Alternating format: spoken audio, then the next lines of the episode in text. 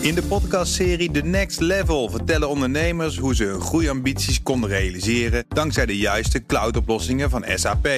Wat waren de uitdagingen, de oplossingen en hoe ging de uiteindelijke implementatie? Benieuwd naar hun verhalen en hoe zij met behulp van SAP ook hun toekomstige ambities kunnen behalen? Luister de podcast The Next Level via de BNR-app of je favoriete podcast-app.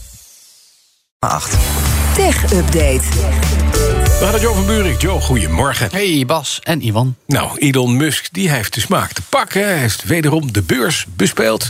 En ook Twitter. Ja, natuurlijk. dat zijn we een beetje van hem gewend. Hè? En Ja. de headline is dat hij opnieuw aandelen Tesla verkocht heeft. Ja. Eh, 934.000 stuks voor in totaal 930 miljoen dollar. We hebben flink gecashed en daar hintte hij al, op, eh, al naar op Twitter. Had daar een eh, Twitter-fitty met eh, senator Bernie Sanders.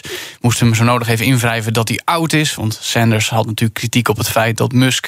Moet betalen. Precies, Oh, probeert belasting betalen. Daarom, nou ja, eh, het heeft natuurlijk ook weer eh, een staartje. Want hij heeft ook wat opties uitgeoefend als CEO van Tesla. Hij heeft namelijk 2,1 miljoen stuks aandelen gekocht voor 6,24 dollar per stuk. En die zijn nu waard. Nou, het aandeel Tesla sloot vannacht op de beurs 1013 dollar. Oké, en hij koopt ze voor 6,24. Oké, Ja. maar hij moet wel belasting betalen. toch? Nou ja, goed, over het verschil in de uitoefeningsprijs en de marktprijs moet natuurlijk belasting betaald.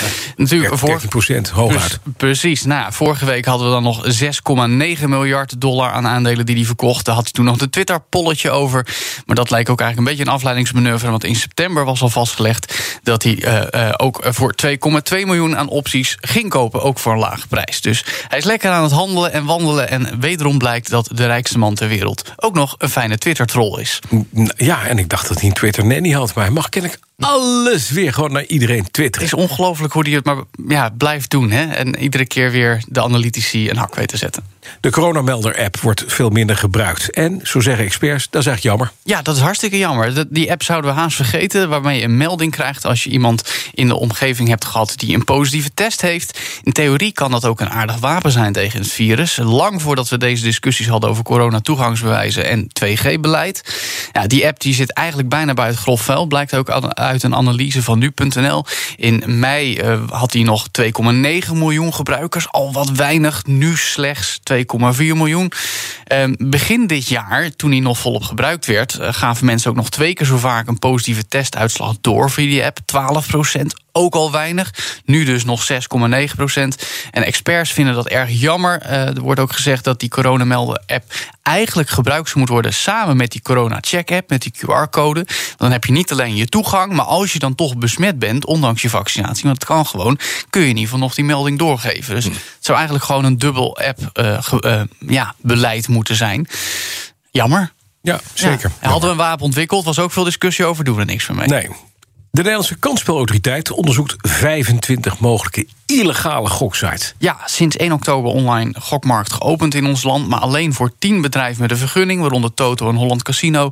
Nu heeft de KSA aangekondigd dat ze een onderzoek doen... naar 25 sites die die vergunning niet hebben...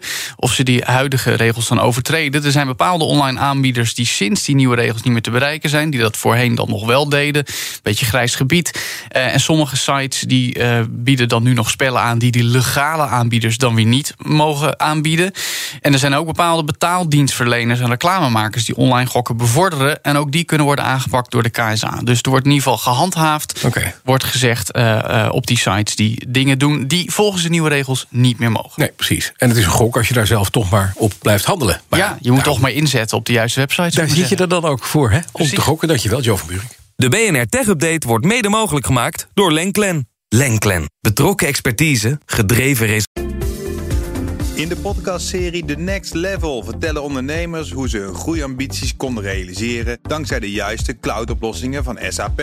Wat waren de uitdagingen, de oplossingen en hoe ging de uiteindelijke implementatie? Benieuwd naar hun verhalen en hoe zij met behulp van SAP ook hun toekomstige ambities kunnen behalen? Luister de podcast The Next Level via de BNR-app of je favoriete podcast-app.